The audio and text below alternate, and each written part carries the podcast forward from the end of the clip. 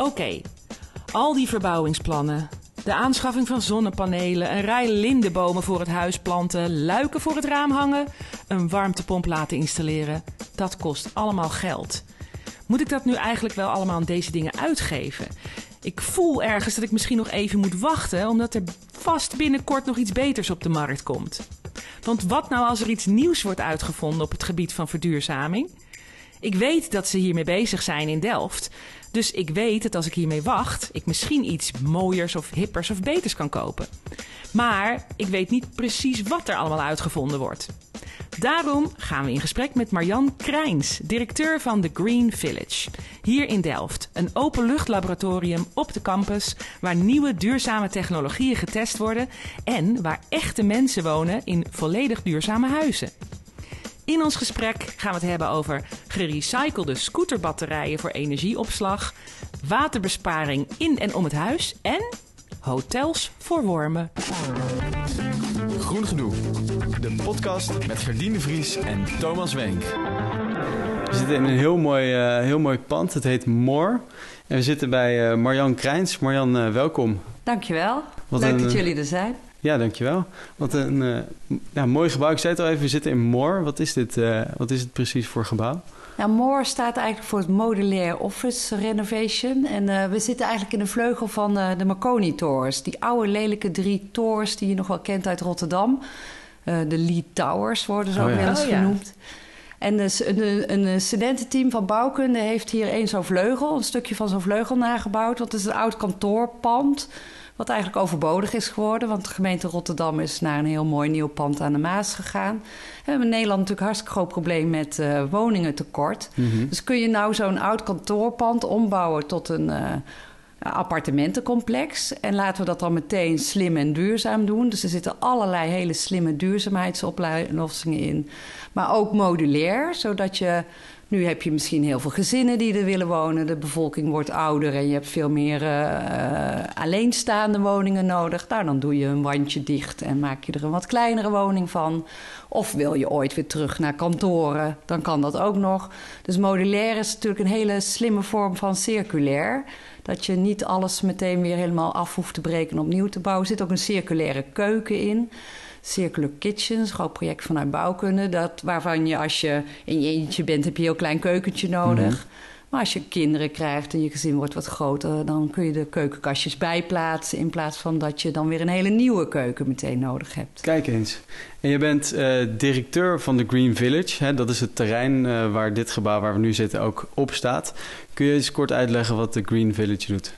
Ja, de Green Village is een, eh, een field lab, eigenlijk een uh, openluchtlaboratorium. waar ondernemers, onderzoekers, mensen met slimme ideeën hun eerste ideeën kunnen testen. Dus je doet hier echt een experiment. Je komt hier iets uitproberen.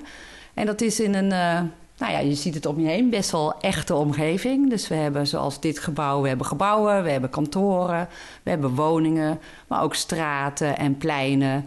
En op al die uh, infrastructuur, daar kun je als uh, uh, iemand met een goed innovatief idee...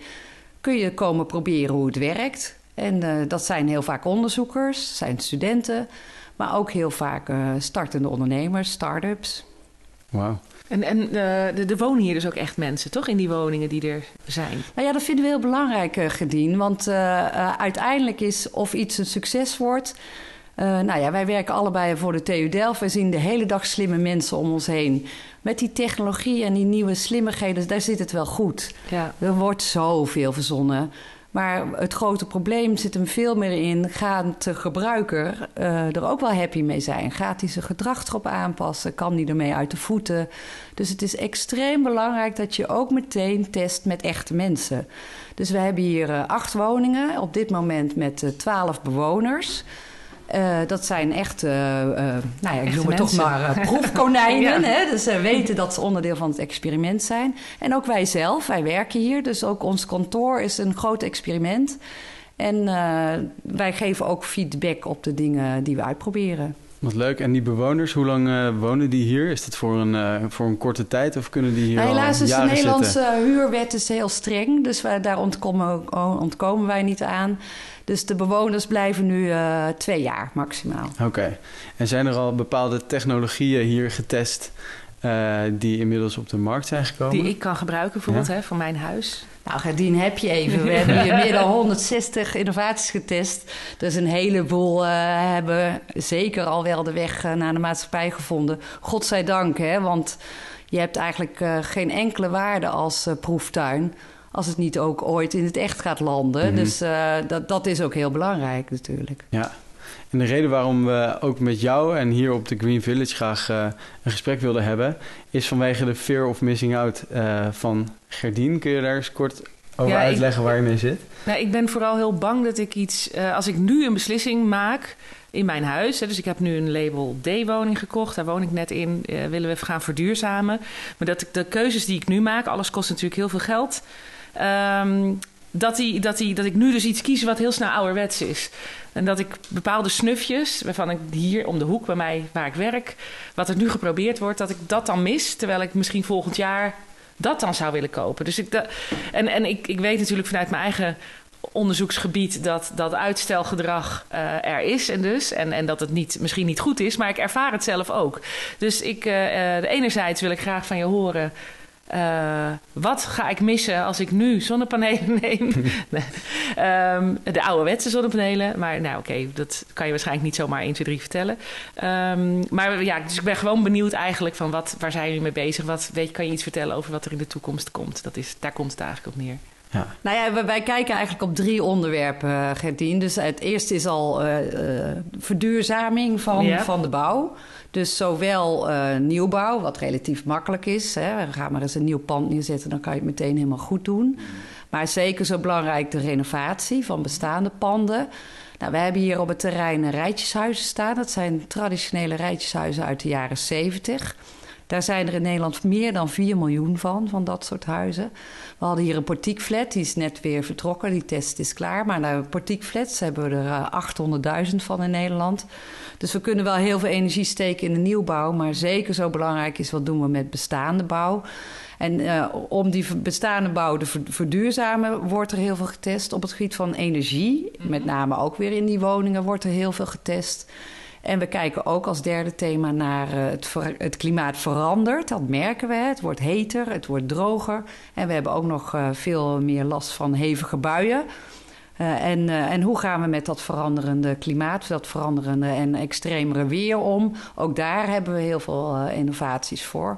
Dus ja, ik weet niet precies waar je nog naar zoekt in jouw huis, maar er is heel veel. En ik snap dat de keuze heel moeilijk is. En wat je ook een beetje ziet, dat geldt waarschijnlijk voor jou maar we krijgen hier ook heel veel woningcorporaties op bezoek. En die beginnen ook vaak te zuchten. Die zeggen, ah, oh, we moeten zoveel.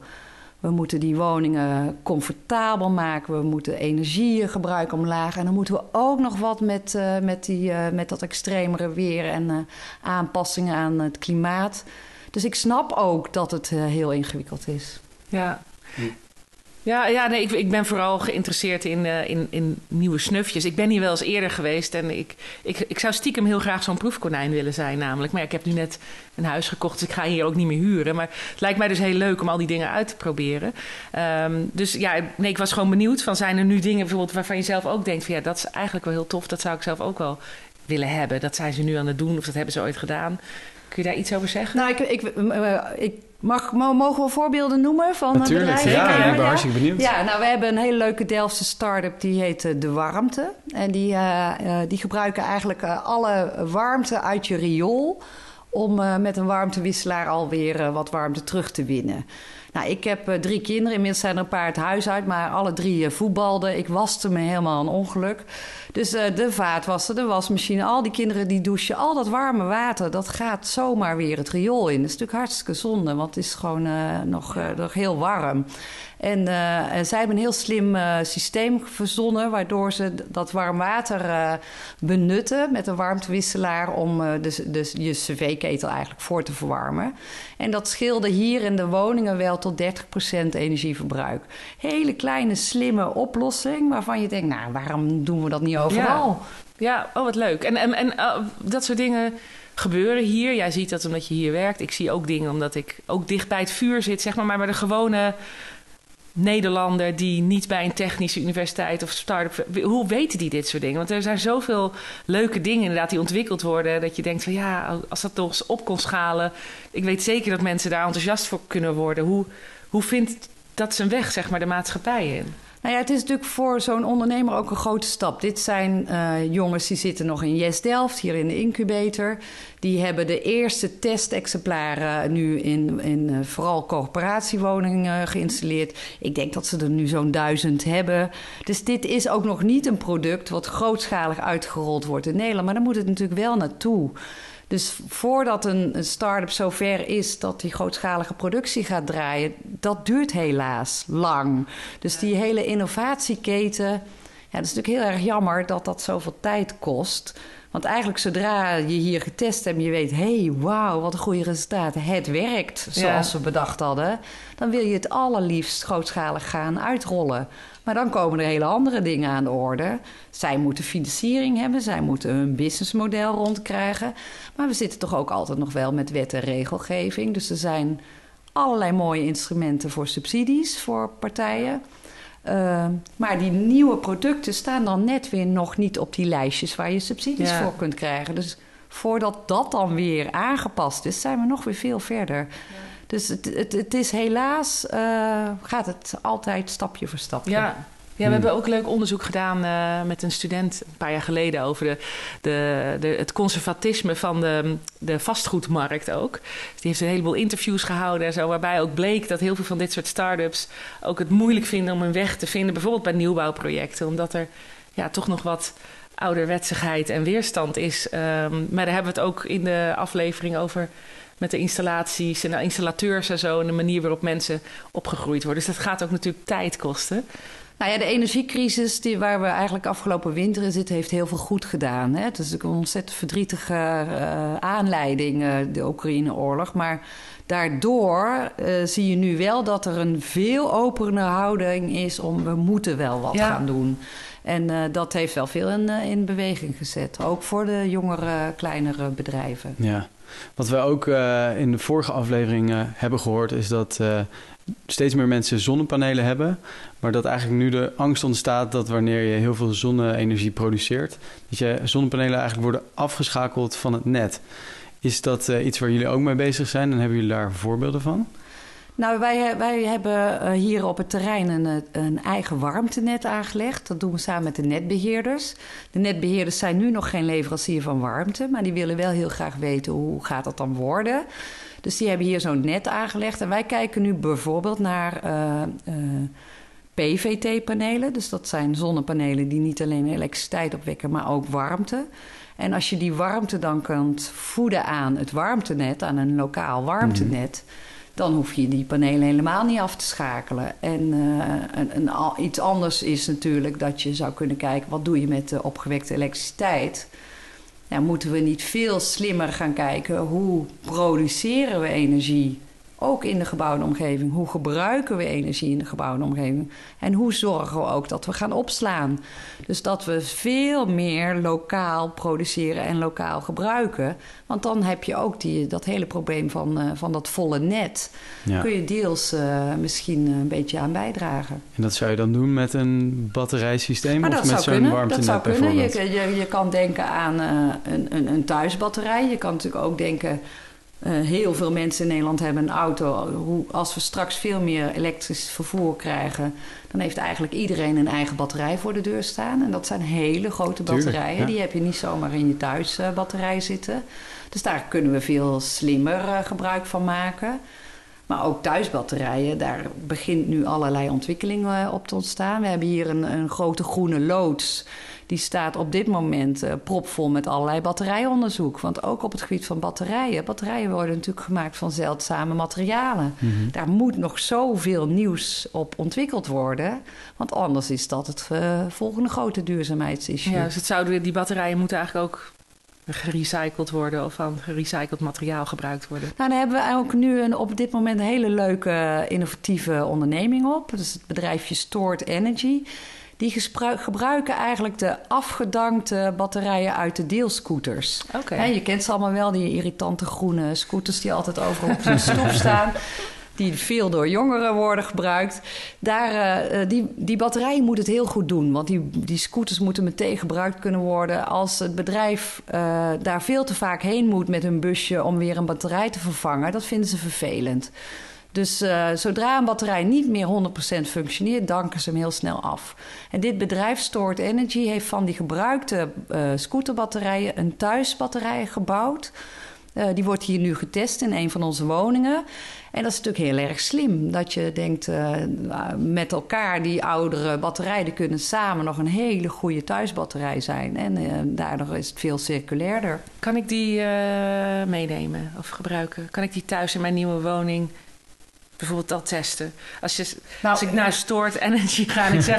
hebben jullie een paar uh, scooterbatterijen voor mij... dan bouw ik, uh, bouwen we een eigen thuisbatterijtje bij mij? Of is het nog niet zo ver? Nou, zij bouwen hem voor je. Hè? Ja. Hun uh, bedrijf is dat ze dit soort oplossingen maken...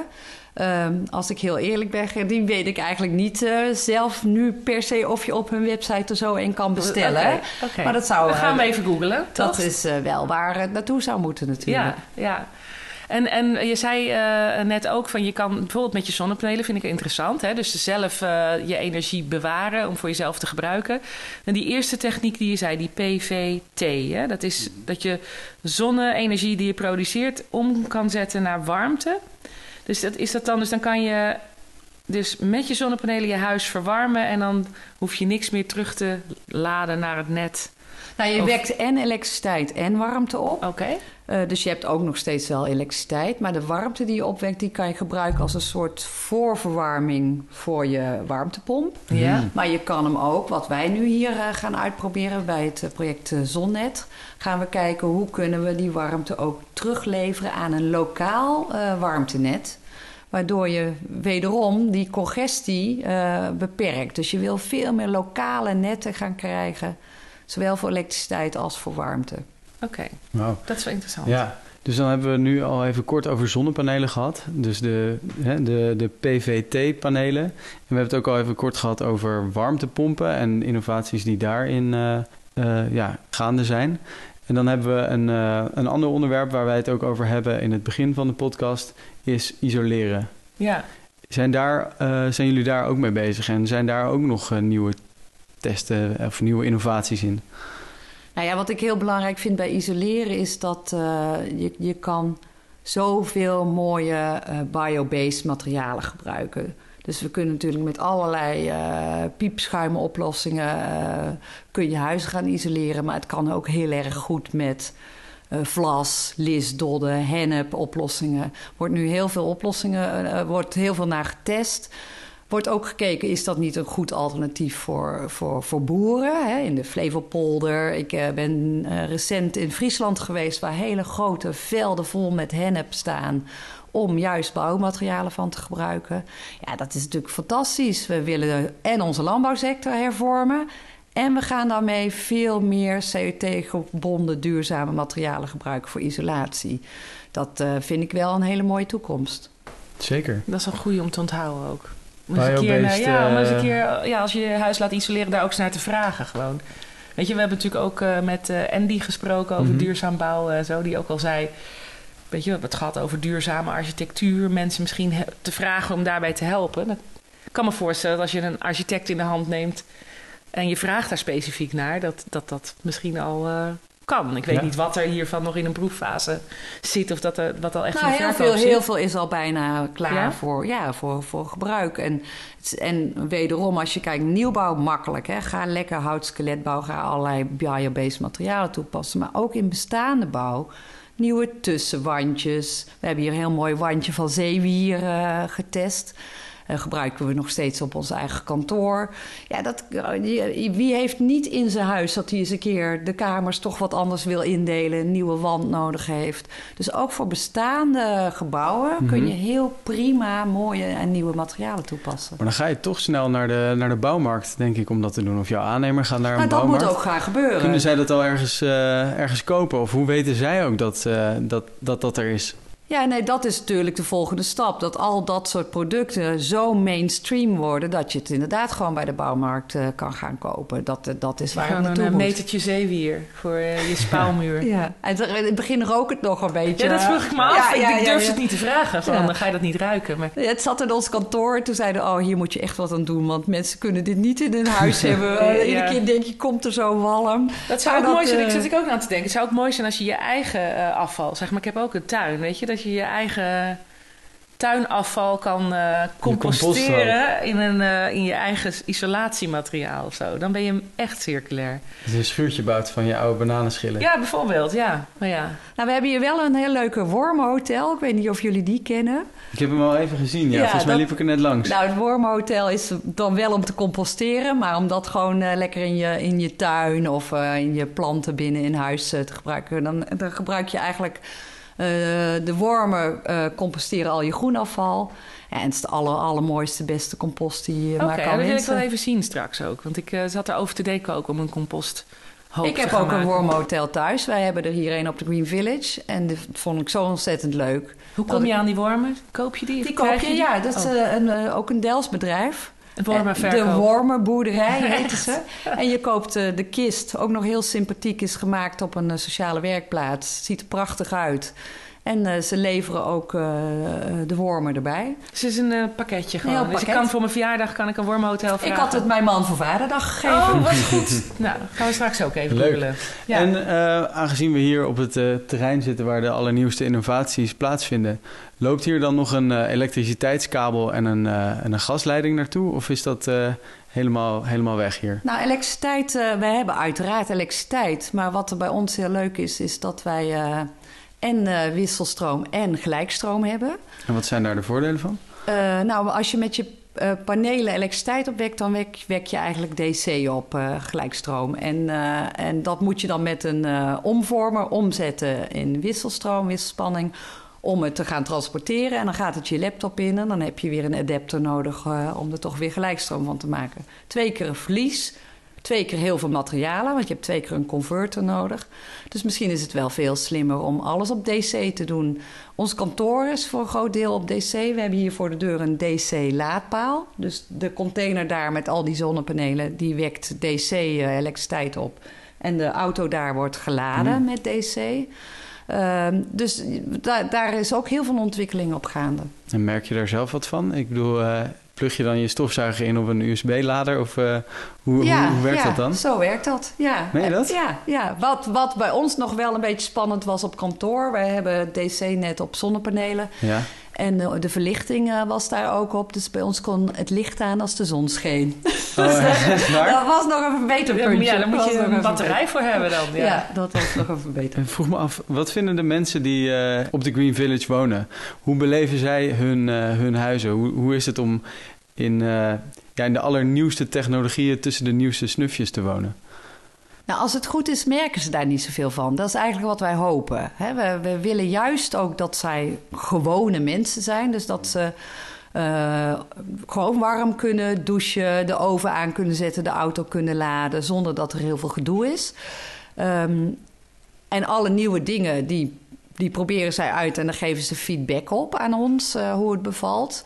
En soms uh, is er iets niet zo prettig, maakt een, apparaat veel lawaai of neemt het heel veel ruimte in. Uh, maar over het algemeen krijgen we niet eens zo heel veel klachten.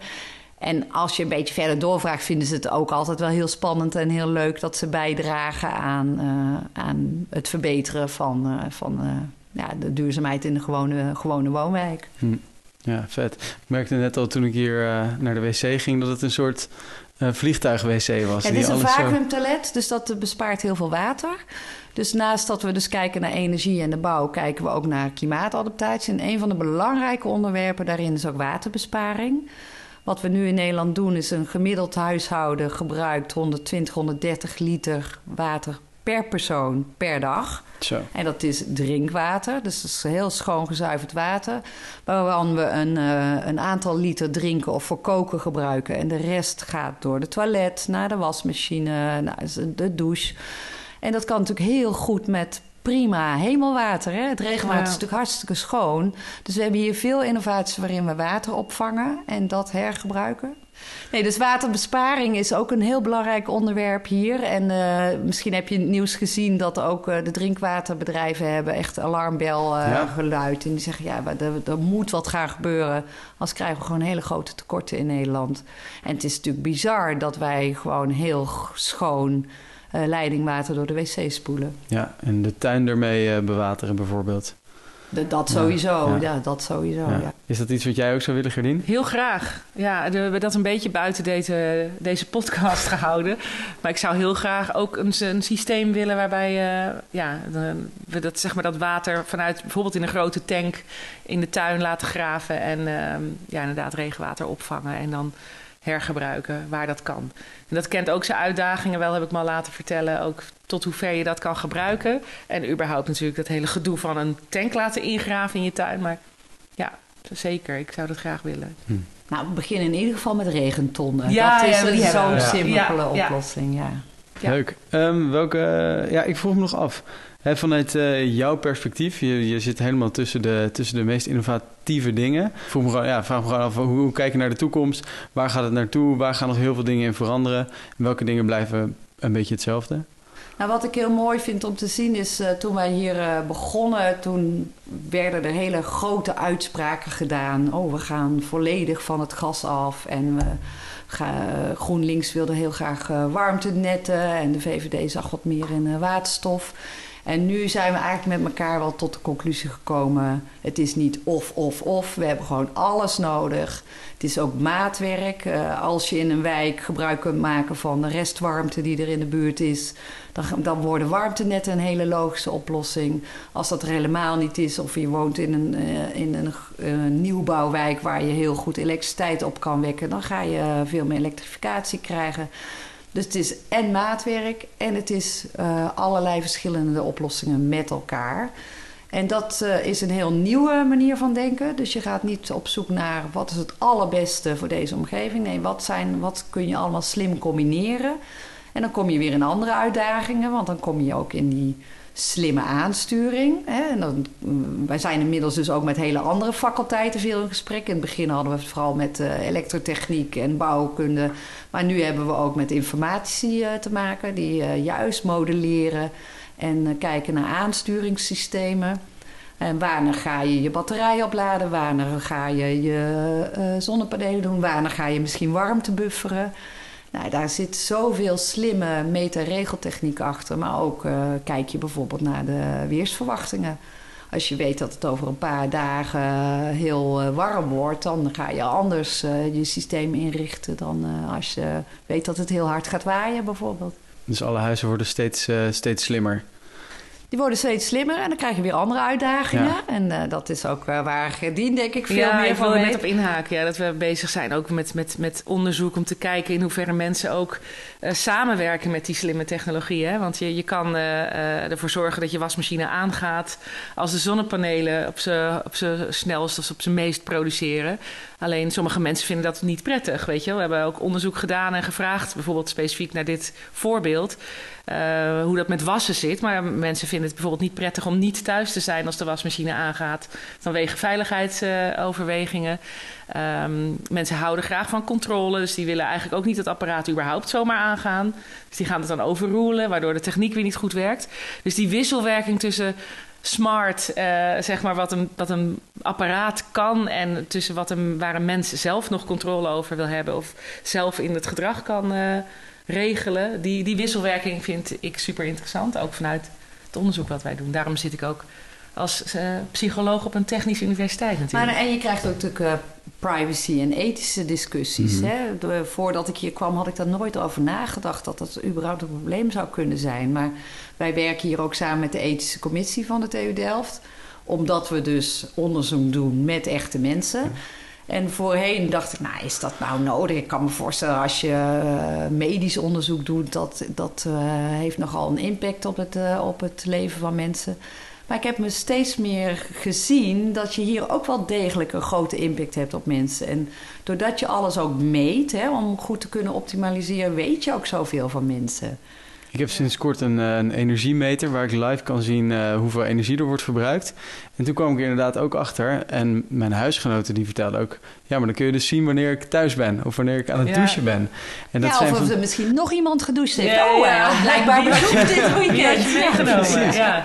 ja, dus dat zijn dingen waar je niet bij stilstaat als je er even over nadenkt. Maar als je dat implementeert, dan, uh, dan komt dat inderdaad langs. Ja, en überhaupt die apps, hè, want wat jij ook liet zien inderdaad, uh, dat, dat, je dat hebt, dat werkt natuurlijk ook anders dan vroeger. Dat, dat je de hele tijd maar inzicht hebt in wat je zonnepanelen produceren en mhm. niet. Dat is ook wel iets wat mensen heel leuk vinden, waar je ook natuurlijk heel veel game-elementen nog in kan doen. Dus daar is ook nog een heel onderzoeksveld achter van hoe kun je dat leuk en interessant maken om die wisselwerking tussen mensen en techniek ja, op zo'n manier te krijgen dat je het ook uh, ja, aantrekkelijk maakt. Zeg maar. Ja. Maar waar ik dan wel ook eh, echt een pleidooi voor wil houden, het moet, de energietransitie moet wel voor iedereen zijn. Wij krijgen hier heel veel corporaties op bezoek. Die hebben natuurlijk een, een populatie, een, een, klantengroep die wat anders is dan de gemiddelde TU Delft werknemer. En hoe gaan we nou zorgen dat zij ook mee kunnen in dit grote geweld en zonder dat het te moeilijk voor ze wordt? En uh, dat is zo ontzettend belangrijk. Wat zijn de belangrijkste maatregelen die zo'n, of de belangrijkste stappen die technologie daarin kan zetten? Of bijvoorbeeld wet en regelgeving of die.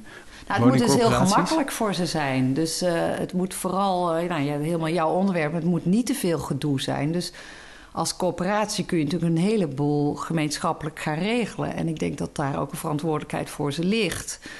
Want als die bewoners dat allemaal individueel moeten gaan doen, dat, dat is geen begin aan. Dus je moet ook niet een individuele thuisbatterij in een, uh, in een partiekflat hebben. Nee, dat moet gezamenlijk. Maar hoe ga je dan hoe ga je dat met elkaar verrekenen? Of moet je dat wel willen verrekenen? Of hoe, ga je daar slim mee om? En je ziet nu ook in heel veel huurwoningen zitten helemaal geen zonnepanelen. Want van wie is die elektriciteit dan bovenop het dak? Is het van de bovenste bewoner? Of, uh, hoe gaat dat dan? Nou, dat, dat zijn hele nieuwe manieren van uh, samenwerken met elkaar. En uh, daar weten we eigenlijk het antwoord nog helemaal niet op. Nee, dat is ook wel waar we onderzoek naar doen, naar die groepsprocessen rondom gedeelde technologieën. Bijvoorbeeld een gedeelde thuisbatterij of uh, zonnepanelen of laadpalen. Daar, heb, daar zijn al veel verhalen over en we hebben daar nu een onderzoek op lopen. dat er conflicten ontstaan als iemand te lang laat. Hè? Dus het verschil tussen slim laden en sociaal laden. Maar dat is een beetje buiten de scope van de podcast. We hebben, want inderdaad, die, die groepsprocessen, dat maakt het nog veel meer gedoe vaak. Hm. Ehm, maar dat hoeft niet altijd negatief te zijn, toch? Want ik heb ook wel eens gehoord van uh, bewoners die collectieve windturbines hadden. En het daardoor veel minder storend vonden dat ze op hun horizon Precies, als je mee profiteert. Ja, precies. is altijd eh, veel aantrekkelijker dan als je alleen maar uh, het grond uh, ter beschikking Ja, en soms kan het zelfs in een wijk bijvoorbeeld de sociale cohesie... dus hoe mensen met elkaar samenleven en hoe fijn ze het hebben... ook vergroten als je met elkaar bijvoorbeeld een techniek hebt... of iets hebt geadopteerd voor je wijk... waardoor je misschien goedkoper energie hebt. Dus ja, dat is zeker ook een heel interessant vakgebied... Um, wat ook bij psychologie hoort. Maar niet per se, maar niet per se in de scope van de podcast. Ja. welk, uh, welk advies zou je Gerdien uh, willen meegeven?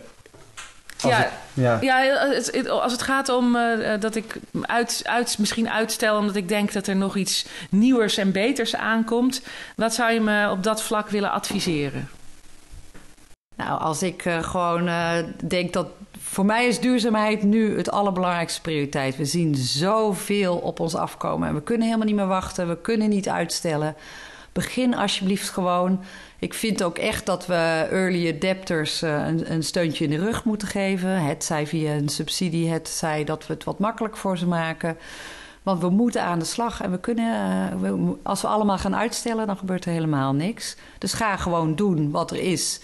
En misschien heb je straks niet de allerbeste, maar je hebt nog altijd wel een hele goede oplossing. Ja, dus het is beter, beter een, uh, een ouderwetse zonnepaneel dan helemaal geen zonnepaneel. Nee, we zijn nu natuurlijk hard aan het werk ook naar uh, circulaire panelen. Die komen eraan, maar ze zijn er nu nog niet helemaal. Maar begin toch maar vast. Oké, ga ik doen. Dankjewel. En dan nu naar het terugkerende element van de podcast... waarin Gardien haar gunst terugdoet... door je psychologisch advies te geven over jouw groene gedoe. Bij klimaatpsycholoog Gerdien de Vries op de sofa. Nou, Thomas, mijn grootste groene gedoe is eigenlijk de levertijden. Ik merk het zelf aan mijn eigen gedrag bij het kopen van een elektrische auto. Als je bij de autodealer komt, dan duurt dat uh, maanden voordat je een nieuwe auto uh, zou kunnen krijgen die je nu bestelt.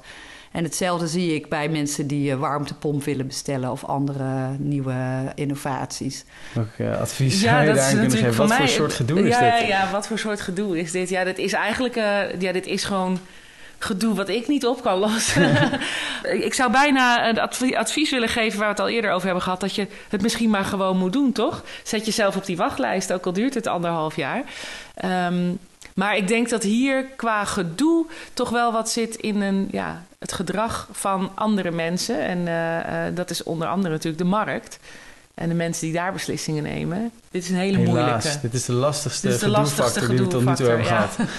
Dan uh, ja, kunnen we denk, gaan we denken op stap. Gaan we even ja? kijken op de Green Village wat we allemaal tegenkomen. Marjan, voor nu in ieder geval heel erg bedankt voor je tips. En ja. um, voor al je informatie die je ons hebt gegeven. Heel graag gedaan. Leuk dat jullie ja, er waren. dankjewel. We gaan naar buiten. Ja. Heb je vragen of opmerkingen naar aanleiding van deze aflevering? Stuur dan een bericht naar groengedoe apenstaartje qvcreative.nl. We verzamelen alle vragen en behandelen enkele daarvan tijdens de live opname van de Groengedoe podcast op het Urban Energy Symposium in Delft op 21 november aanstaande. Meer details over dit symposium kun je terugvinden in de show notes. Daar vind je ook handige links naar websites die je gehoord hebt tijdens deze aflevering.